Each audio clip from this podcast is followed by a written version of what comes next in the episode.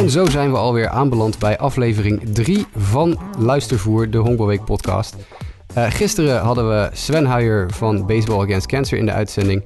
En natuurlijk Marco Stovelaar. Maar vandaag worden wij, uh, en wij is dan eigenlijk mezelf, Jasper Roos en Dennis Duin. Hoi Dennis. Heel goedenavond. Wij worden vandaag bijgestaan. Uh, wij zijn heel erg vereerd met het, de aanwezigheid in uh, onze podcast van toernooidirecteur Leon Ravenstein. Leon, een heel goede avond. Goedenavond Jasper en Dennis. Fijn dat je tijd hebt om even met ons te praten over uh, de honkbalweek. Want ja, er gebeurt nogal wat rond die organisatie van een gewone honkbalweek. Laat staan een, een honkbalweek die ineens afgelast wordt. Het is net zo druk als normaal, zeg ik. Ja, ja, dat is voor jou zeker, lijkt me. Ja, ik, zie, ik zie nu in die WhatsApp-groep van de Honkbalweek wat je allemaal doet. Volgens mij is het inderdaad geen, geen no rest for the wicked, zeggen ze wel eens dan in het Engels. maar voordat wij ja, de, de, diep de, de online honkbalweek induiken, ik denk dat het leuk is voor de mensen die naar deze podcast luisteren en die misschien afvragen, ja, wat doet een toernooidirecteur nou eigenlijk? Is dat wel een goede openingsvraag? Leon, wat is jouw rol binnen de honkbalweek? Wat doet de toernooidirecteur? Ja, eigenlijk zegt de naam het al, hè, toernooidirecteur. Uh, je bent directeur, dus je zit met je benen op tafel, op het bureau. En te kijken hoe anderen het doen. Nee, zonder gekheid. Het is een verschrikkelijke functie, uh, toernooidirecteur. Eigenlijk is het een verschrikkelijke naam, toernooidirecteur. Want uh, die naam directeur die gebruiken ze eigenlijk alleen maar voor uh, de buitenlanden. De bondsbureaus van de buitenlanden waar ik mee werk, die hebben gewoon de behoefte om iets van status in de titel te hebben om afspraken mee te kunnen maken. Want uh, voor de rest zijn we met z'n zevenen het organisatiecomité en ik ben eindverantwoordelijk voor het officiële honkbaltoernooi. Dus alles wat met honkbal te maken heeft op dat moment is mijn verantwoordelijkheid. En dan moet je denken aan de teams, de scheidsrechters, hoe, we de, hoe we de teams en de scheidsrechters ontvangen. Uh, van alles en nog wat rond die officiële wedstrijd. En dat, uh, je bent als toernooidirecteur natuurlijk eindverantwoordelijke, maar ik kan me voorstellen dat je een, een team om je heen hebt, dat je helpt met al die activiteiten die je, die je ontplooit tijdens een week. Ja, ja klopt, klopt. Als je ehm, het, uh, mijn functie moet je een beetje opsplitsen in uh, twee delen. Het is de periode voorafgaand aan de week, die twee jaar zeg maar. Dan werk je aan het toernooi zelf, dus aan het deelnemersveld, aan het, aan het wedstrijdprogramma. daar werk je eigenlijk het meeste aan. En in de week, ja, dan komen vanuit alle hoeken en gaten van Nederland komen de vrijwilligers naar voren. En daar moet je aan denken dat dat, heel simpel gezegd, iedereen die op en om het veld hangt, de liaisons die uh, de teambegeleiding uh, doen, de official scorers, de scheidsrechters, de, het scorebord, de announcers, de bad boys. Een beetje die hele kliek van mensen die echt met die wedstrijd bezig zijn. Goed, Leon. nu, ja, het toernooi, het toernooi is natuurlijk niet, helaas niet, niet doorgegaan. Uh, en en binnen, binnen het bestuur wordt natuurlijk ook uh, het moment besproken. Uh, ja, we weten corona, corona door de overheid, persconferenties en dergelijke. hoe, gaan jullie daarmee, hoe zijn jullie daarmee omgegaan binnen het bestuur dat ja, mogelijkerwijs het toernooi toch wel eens afgelast kon worden? Ja, het is surrealistisch natuurlijk. Ehm, ik denk dat ehm, voor mij kwam corona eigenlijk pas. Uh, ja, werd, werd mijn werkelijkheid op het moment dat we naar uh, premier, premier, Rutte zaten te luisteren. bij zijn eerste speech. En, en dan denk je van hé, hey, dit wordt serieus. Je volgt het wel in de krant wat er in de buitenlanden gebeurt. maar die dag begon eigenlijk ook het organisatiecomité in de groepsapp ja, zijn zorgen te uiten. En dat werd eigenlijk binnen no time explodeerde dat van hey, hier gaan wij uh, heel veel last van krijgen. Nou, ik denk dat de persconferentie van Rutte, die was denk ik 15 maart of 14 maart zo'n beetje. Ja, en op 24 maart uh, is uiteindelijk het toernooi officieel afgelast. En in die tien dagen daarvoor ja, heb je bijna dagelijks contact, maak je je dagelijks zorgen. Daar kwam het eigenlijk op neer. Ja, en dan heb je het, het ja, bewuste moment, 24 maart, dat, uh, dat je ook bekend maakt, uh, dat in ieder geval het bestuur bekend maakt dat het toernooi uh, afgelast gaat worden. Ja, wat, wat, wat heb jij dan voor qua drukte als, als toernooidirecteur? Wat, wat gebeurt er dan? Wat, wat doe je op zo'n moment? Um, nou, het, ik moet heel eerlijk zijn dat je op dat moment uh, het niet wil geloven. Hè, dat, dat er zoiets ergs in de maatschappij aan de gang is. Uh, ik heb zelf een eigen bedrijf in het dagelijks leven. Dus ik had het op dat moment had ik het al niet zo prettig qua uh, omzet en, en beleving. Um, en, en ik heb het zelf in het organisatiecomité in een van onze belangrijke vergaderingen genoemd. Dat die honkbalweek die mag niet afgelast worden op dit tijdstip, op dit vroege tijdstip. Want ja, als die honkbalweek nog maar door zou kunnen gaan, doordat er plotseling toch een vaccin zou komen of toch uh, nou, een of andere totaaloplossing, dan konden wij tenminste nog die honkbalweek door laten gaan uh, begin juli. Uh, ik had dat waakvlammetje nodig, dat dat misschien nog wel door zou kunnen gaan, dat feestje, terwijl eigenlijk de hele wereld in brand stond. Um, ja, en zo heb ik mezelf in het organisatiecomité kenbaar gemaakt van jongens, ik snap dat we het niet door laten gaan, maar het zou zo mooi zijn als het wel door zou kunnen laten gaan. Maar toen ja, de, de stand van zaken in het land dusdanig werd en uh, uh, Rutte op een gegeven moment ook zei van tot 1 juli geen evenementen en dergelijke. Ja, dan moet je echt uh, met z'n allen toch gewoon zeggen van dit kan niet. we moeten de rust bewaken en de rust nemen om dit naar buiten te brengen. Val je op zo'n moment in een, in een zwart gat even? Of heb je meteen zoiets dat je meteen door gaat schakelen met oké, wat nu? Nou, de, de problemen uh, buiten mijn uh, vrijwilligerswerk uh, van de Hongerweek waren groter dan het afzeggen van de Hongerweek. Dus ik, ik, ik kon niet in een zwart gat vallen, want je was zakelijk was je zo eigenlijk bezig om te overleven dat je geen tijd had om te rouwen om de Hongerweek. Ja, precies, precies. Dus je hebt eventjes gewoon rustig uh, de, de boel de boel gelaten. En even eerst de belangrijke dingen, uh, de echt belangrijke dingen uh, bekeken. En vervolgens je weer, ben je weer zorgen gaan maken over de week. Je beseft als je elke dag hoort dat er zoveel mensen overlijden aan een ziekte. En zoveel mensen in de ziekenhuis terechtkomen. Dan, dan mag je het eigenlijk niet over een feestje als de Hongerweek hebben natuurlijk. Dus, dus dat besef heb je wel.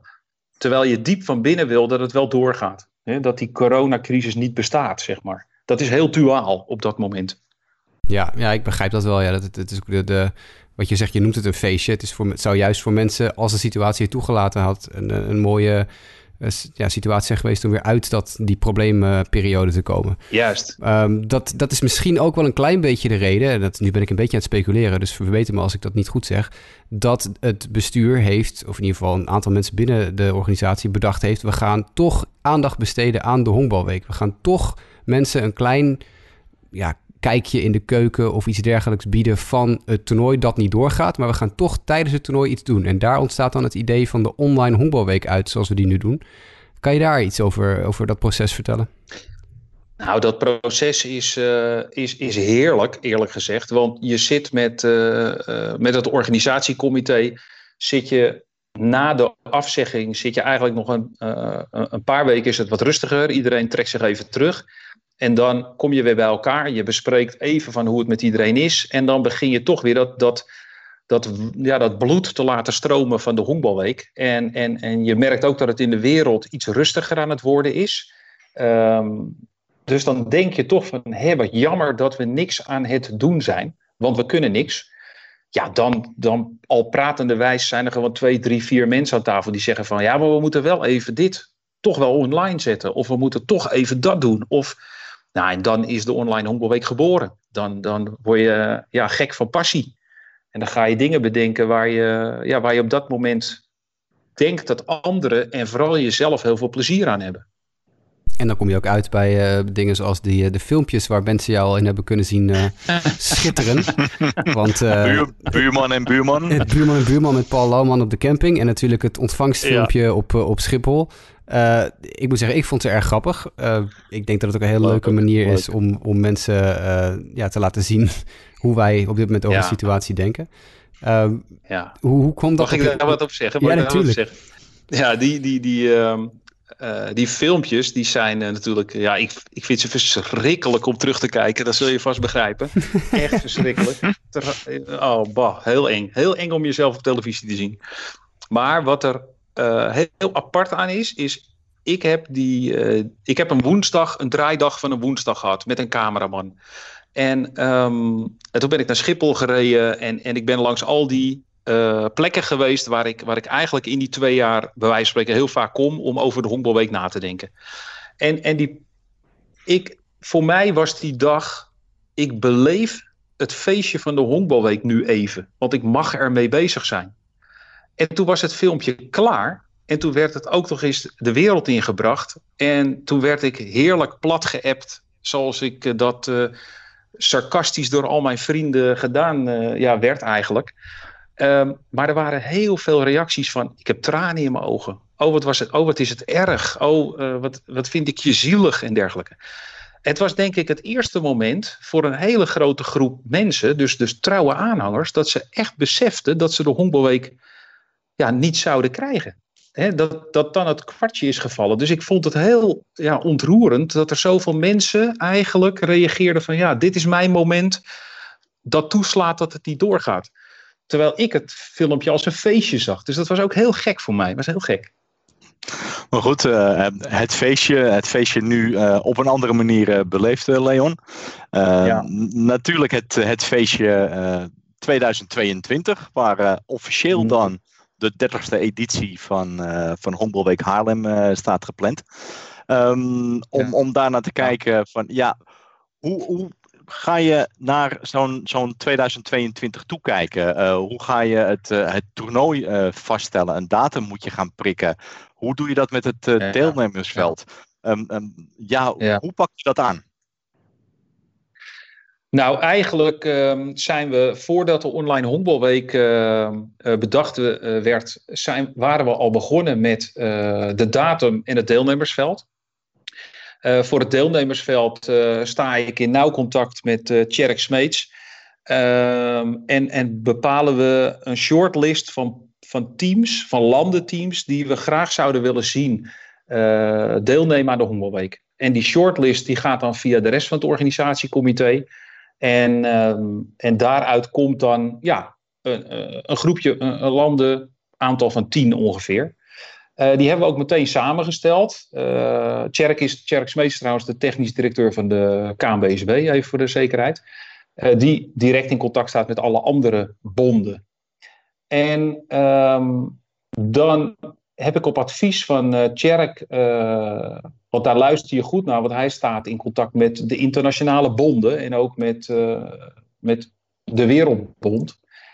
Wat er op dit moment speelt, is dat de Olympische Spelen uitgesteld zijn en dat de hele internationale kalender overhoop is gehaald. Dus eigenlijk weet nog niemand waar ze dit jaar en volgend jaar spelen. En daar wordt 2022 ook een probleem in. Dus uh, wij kregen het advies uh, om zo snel mogelijk een datum bekend te maken. Dat de Honkbalweek 2022 als, eigenlijk als eikpunt in die internationale kalender komt te staan. Nou, en dat hebben we dus ook gedaan. We hebben een datum geprikt die we uh, later deze week bekend gaan maken. Want dat willen, daar willen we een feestje van maken. Dat iedereen er weer twee jaar naartoe kan leven. Um, en dat deelnemersveld 2022, ja, dat, dat, dat gaat er spannend uitzien. Hè? Dat gaat er spannend uitzien.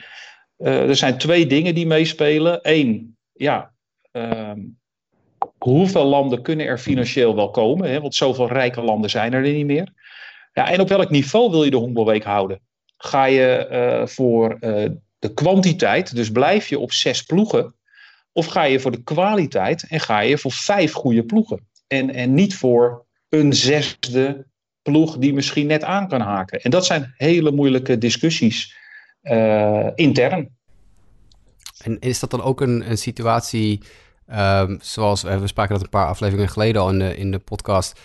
Op het moment dat je als organisatiecomité met verschillende landen of verschillende teams, met college teams of met, uh, ja, met nieuwe landen die nog niet eerder geweest zijn, contact hebt en dat er uiteindelijk dan toch de boel niet doorgaat, ondanks dat je denkt, hé, hey, we hebben ze binnen en op het allerlaatste moment gaat het niet door. Is dat dan iets wat je in je achterhoofd houdt richting het volgende toernooi?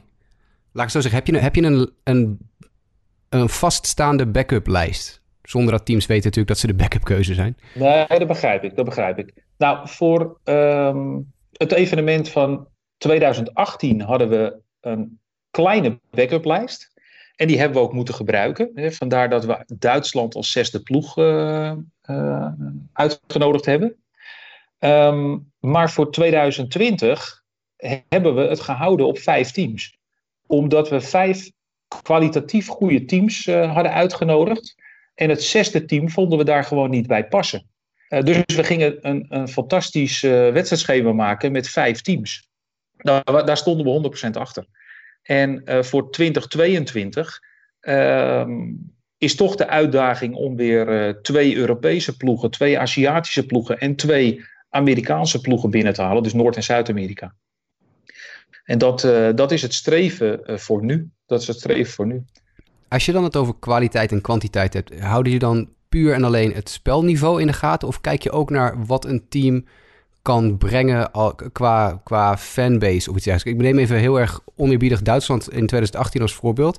Mm -hmm. waren in principe op papier vooraf afgaand beduidend het minste team uh, van de hele Hongerweek. Nou, uiteindelijk kwam daar natuurlijk ook een vrij teleurstellend Cuba-team bij, wat ook niet uh, het allerbeste ja. honkbal liet zien.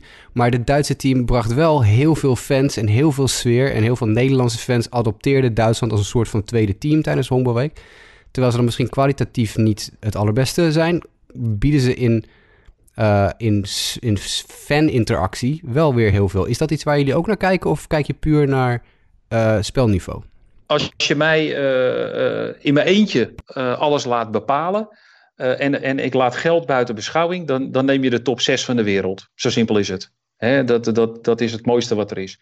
Maar dat gaat niet. Um, en dan kom je toch in een, in een, in een team effort, waarin, waar er ongeveer zo'n zo'n zes, zeven mensen mee bezig zijn in aanloop naar de week om die uh, zes uh, volwaardige ploegen naar Haarlem te halen. En, en, en binnen die zeven mensen moet je gewoon nagaan, ja, moet je in overleg met elkaar van wat gaan we doen? Gaan we dus die fanbase zwaarder laten wegen of gaan we de kwaliteit zwaarder laten wegen of gaan we toch gewoon naar een, een deelnemersveld van vijf? Hè, waarin je um, zeker weet dat je goede ploegen binnen de lijnen brengt. Nou, en dat, is, dat heeft ook te maken met het tijdpad. Want um, het probleem van. Als, mag ik even naar, naar het uh, deelnemersveld van 2020, waarin we op vijf zijn blijven steken? Ja, alsjeblieft. Het, het, was natuurlijk. Aan de ene kant is het heel teleurstellend dat je op vijf ploegen blijft, uh, blijft staan. Um, en dat heeft gewoon alles te maken met dat uh, ja, wij als organisatiecomité een deadline moesten stellen voor wanneer we een definitief deelnemersveld hadden. En omdat de Olympische kwali kwalificatietoernooien nog doorliepen, wisten bepaalde landen die graag hadden willen komen, die wisten niet of ze naar de Olympische Spelen zouden gaan of niet. Dus die konden zich niet committen aan een trip naar Haarlem, omdat ze misschien nog een trip naar Tokio gingen maken. Dat is een financiële afweging. Dus we hebben zo lang mogelijk gewacht om op uh, de zesde ploeg te wachten. Maar daarbuiten moesten we, een moesten we met vijf teams beginnen. In de hoop dat er nog een Olympische deelnemer zou afvallen. die naar Haarlem zou afreizen. Dat zou een toetje van nummer zes zijn. En dat, en dat was een heel zwaar um, traject. Van ja, gaan we met vijf of met zes? Of, of lukt het wel met zes? Uh, natuurlijk ook wat afzeggingen.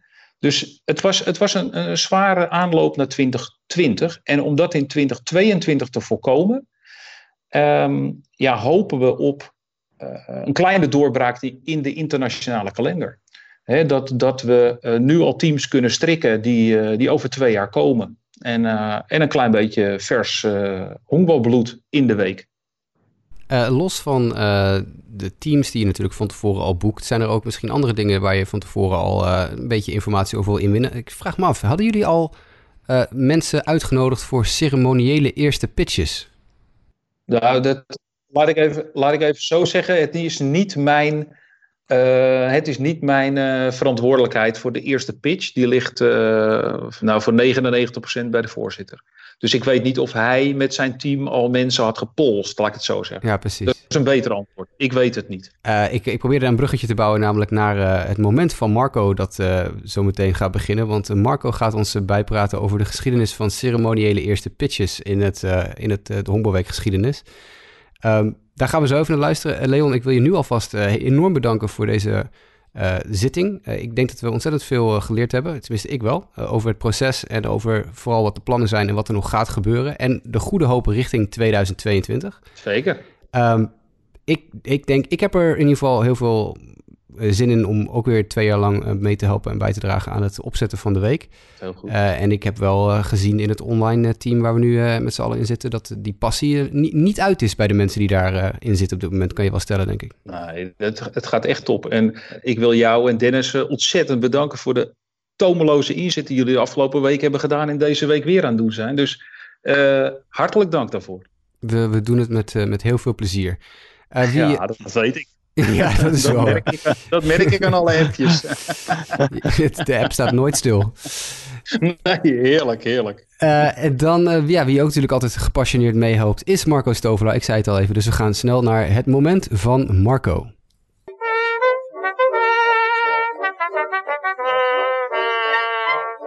De Haarlemse Honkbalweek is sinds de eerste editie in 1961 altijd geopend met het gooien van een ceremoniële eerste bal. Sindsdien hebben vele mensen tijdens de openingsceremonie of voor aanvang van een speciale wedstrijd de eerste bal gegooid. De ene deed het met het gooien van een perfecte slagbal midden in de handschoen van de catcher. Een andere deed het met een stuiterbal en anderen kwamen niet eens in de buurt van de thuisplaat. En dat is overal zo. Ook in de Major League komen de meest opmerkelijke eerste worpen voorbij. In de beginjaren werd de eerste bal soms vanaf de dugout gegooid. Dat in navolging van de Major League, waar ook hoogwaardigheidsbekleders daar vanaf de eerste bal gooiden, of vanuit een speciale loge. Pas later werd de eerste bal ook daadwerkelijk vanaf de heuvel of in de buurt ervan gegooid. Een bijzondere eerste bal was er tijdens de openingsceremonie van de vijfde Haarlemse Honkbalweek in 1969.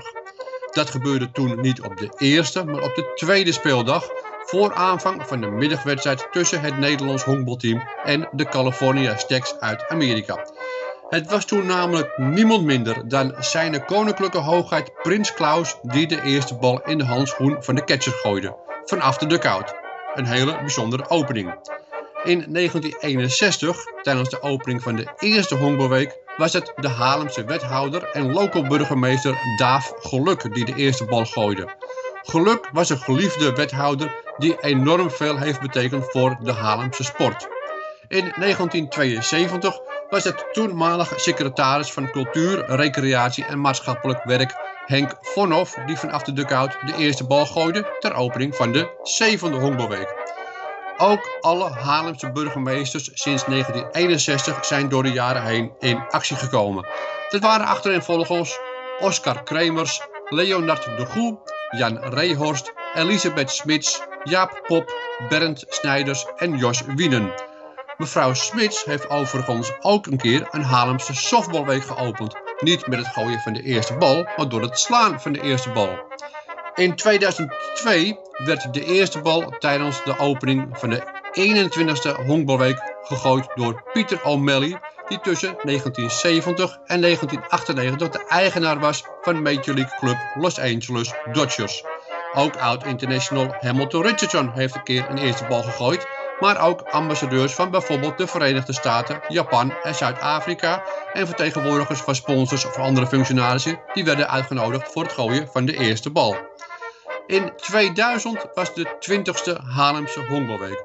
Een jubileumtoernooi, maar ook een Olympisch jaar. En dus werd er wat bijzonders gedaan. Ik maakte toen lid uit van het organisatiecomité en stelde voor dat er voor elke wedstrijd een eerste bal zou worden gegooid door een Olympische medaillewinnaar. Dus ik rondbellen en het lukte inderdaad om bij iedere wedstrijd iemand de eerste bal te laten gooien. Dit werd bijvoorbeeld gedaan door onder andere Ada Kok, Steven van den Berg, Harry Vriend Yvonne van Gennep, Ria Stalman en Nico Rings. Bovenaan mijn lijstje stond de legendarische Fanny Blankers-Koen, die tijdens de Olympische Spelen van 1948 in Londen viermaal goud won en een van onze meest voorname en belangrijkste atletes is. Toen ik haar belde was ze zeer vereerd met de uitnodiging, maar gezien haar leeftijd, ze was toen 82 jaar, zag ze het toch niet zo zitten. We zouden haar ophalen van haar woning in Hoofddorp, maar Fanny Blankenskoen was een hele bescheiden vrouw. Ik hoef hier meer zo nodig in de belangstelling te staan. Dus helaas is Fanny niet gekomen. De meest legendarische eerste bal werd echter gegooid door Gerard Voogd, die vanaf 1961 organisatievoorzitter is geweest van 10 Haarlemse honkbalweken. Het levert hem dan ook de bijnaam vader van de honkbalweek op. Het was Gerard Voogd die tijdens zijn buitenlandse reizen met het Nederlands honkbalteam altijd even op teamvertegenwoordigers afstapte en zich dan voorstelde als president of the Baseball Week. Hij vertelde dat het allemaal vaak begon met een simpel praatje, waarna even wat werd gedronken in de hotelbar. Maar Voogd wist altijd op het juiste moment de juiste vragen te stellen om te polsen of er interesse was om naar Haarlem te komen en deel te nemen aan de Honkbalweek. Was het antwoord positief, dan werd het soms vastgelegd met een krabbeltje op een bierviltje. Later volgden de definitieve toezeggingen en afspraken. Voogd haalde niet alleen veel Amerikaanse topteams naar de honkbalweek, maar hij slaagde er ook in de nationale teams van Cuba, Nicaragua, de Nederlandse Antillen, Italië, Zuid-Korea, Australië en Japan naar Haren te krijgen. Zij gingen graag in op de uitnodiging, want ook in de jaren 60 en 70 stond het toernooi al in heel hoog aanzien. De landen wilden gewoon graag deelnemen. Het moet ergens in het begin van de jaren 80 zijn geweest dat Gerard Voogd zelf de eerste bal mocht gooien. Nou is het bekend dat Gerard best wel een borreltje lustte en ook altijd genietend van een drankje, maar ook met heel veel trots zat hij altijd op het terrasje toe te kijken hoe de, hoe de toeschouwers het stadion binnenliepen op weg naar een plekje op de tribune. Op die bewuste middag beklom Gerard Voogd dus de heuvel. Mogelijk had hij zich wat moed ingedronken, want hij vergat de bal los te laten en rolde van de heuvel af. Maar het is wel te danken aan kleurrijke personen zoals Gerrit Voogd dat de honkbalweek kon uitgroeien tot wat het nu is.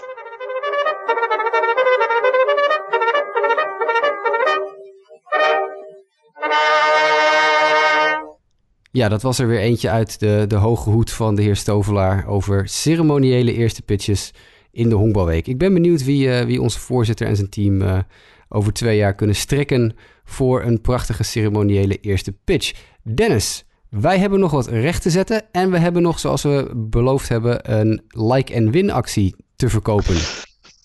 Ja, ja. Um, rectificatie, dat hadden wij natuurlijk in 2018 uh, ook regelmatig. Dus laten we dat ook voor eh, de editie van, uh, van 2020 erin gooien.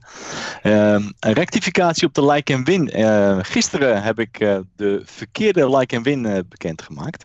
Dus die wil ik eigenlijk in, nu in deze podcast van maandag 29 juni wil ik die eigenlijk een beetje recht trekken. de like en win actie van, van vandaag die komt vanuit ons spelershotel Ibis Styles Haarlem City Hotel. En zij stellen een overnachting beschikbaar voor uh, twee personen, inclusief ontbijt met uh, twee huurfietsen. Nou, dat is natuurlijk uh, ontzettend leuk. Dus vandaag de like, share en win actie is van Ibis Stijl Haarlem City Hotel. En dan morgen is de like en win actie van de wijnkoperij Molenaar. En de actie is daar bij aankoop van 12 flessen wijn tijdens de Honkbalweek online krijg je een gratis Magnum cadeau. Dus dat is, uh, dat is voor morgen. Is dat een Magnum met nootjes of een Magnum met witte chocola of wat? Uh... Ja, uh, volgens, mij, volgens mij zit er denk ik toch wel een bepaald alcoholpercentage in wat in de Magnum met chocola en nootjes niet zit. nee, precies. Ja, ik, ik, ik heb wel zin in de Magnum, maar goed, dat is een ander verhaal inderdaad. Uh, morgen hebben we dus weer nieuwe informatie over de andere like en wins. Hopelijk, of misschien over twee dagen. Doen we één keer in de twee dagen eventjes. Dus blijf vooral luisteren als je de informatie wil houden over de like en win. De aflevering van vandaag zit er alweer op. We hadden Leon Ravenstein, toernooidirecteur van de Honkbalweek. Uh, in de uitzending. Uh, Leon, nogmaals hartelijk bedankt voor je bijdrage. Dit was zeer informatief. Morgen in de uitzending hebben we umpire Roy van de Wateringen. Dus ook zeker de moeite waard om even in te schakelen en te luisteren naar wat Roy ons allemaal kan vertellen over de umpire-achtergrond van de Honkbalweek. Uh, voor nu, Dennis, dankjewel dat je weer tijd had om deze aflevering met mij op te nemen. Graag gedaan. En ik spreek je morgen weer. Tot morgen.